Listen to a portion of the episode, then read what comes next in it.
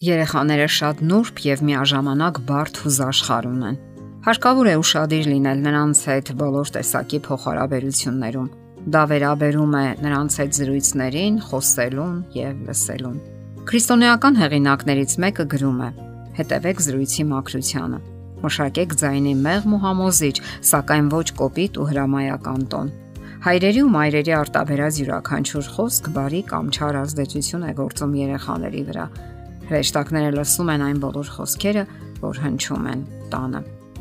Ընտանիքում թե աշխատավայրում դա շատ կարևոր է։ Հատկապես երեխաների հետ փոխհարաբերություններում այն շատ կարևոր դեր է խաղում նրանց բնավորության զարգացման գործընթացում։ Նրանք թե սովորում են անմաքուր լեզուն ու վարվելաձևը, եւ թե վիրավորվում ու խոցվում են։ Հարկավոր է խաղաղություն, հանդարտություն պահպանել ցանկացած բարդ ու լարված իրավիճակում։ Լինել զուսպ, խոհեմ, տրամաբանված, թե խոսքերի եւ թե արարքների մեջ, որովհետեւ մեր խոսքերից շատ բան է կախված։ Մենք կարող ենք թե խաթարել մարդու հոգեկան աշխարհը եւ թե մխիթարել ու սատարել նրան կենսական դժվար իրավիճակներում։ Զսպեք ձեր լեզուն եւ դուք կատարյալ մարդ կլինեք։ Մենք գիտենք, որ երեխայի դաստիարակությունը հարկավոր է սկսել դեռ բարուրից։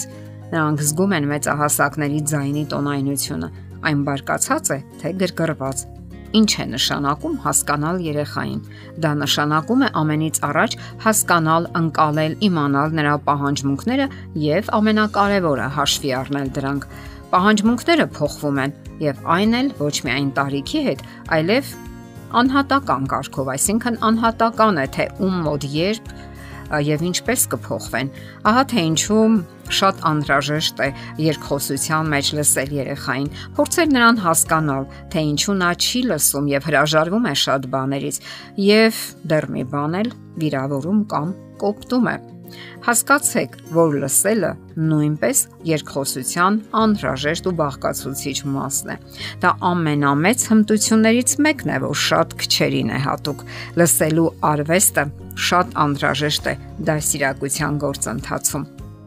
Կարիք չկա նաև կոպտելու, երեխային վիրավորելու, կտրուկ ու անվայելու խոսքերով։ Խստությունը հարկավոր է հերթագայել սիրո եւ քնքշանքի դրսևորումներով, հասկանալ թե երբ է անհրաժեշտ գովաբանել երեխային եւ երբ պատժել։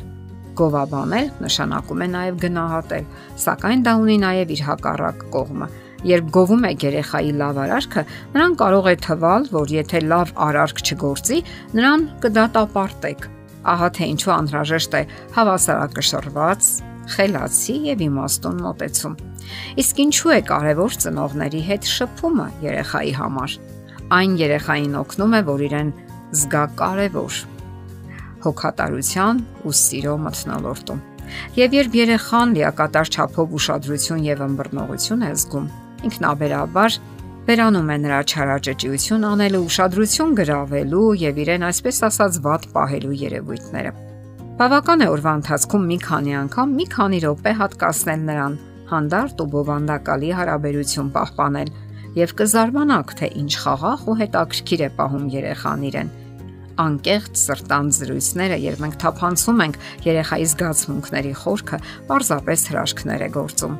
Երեխան սկսում է հանդարտ խաղալ, օգտակար զբաղմունք գտնել իր համար։ Անկեղծ զրույցները նրան հնարավորություն են տալիս կիսվելու, դրսևորելու իր ներքին էներգիան։ Յուրաքանչյուր երեխա ունի հոգեկան բացառիկ եզակի որակներ, որոնք կարող են դրսևորվել ու զարգանալ միայն ծնողների հետ անկեղծ հարաբերությունների ժամանակ։ Սակայն մի կարևոր պահ եւս հնարավոր է լինեն հարցեր, որտեղ դուք սխալվում եք։ Պետք չէ անսխալականության դիմակ հակնել Եթե երեխան արդեն գիտակից է եւ կարողանում է հասկանալ ճիշտն ու սխալը, ընդունեք ձեր սխալը եւ խոստովանեք անկեղծորեն։ Երեխան միայն շնորհակալ կլինի դրա համար եւ կընդունի, կհասկանա դա, որ դուք էլ կարող եք սխալվել։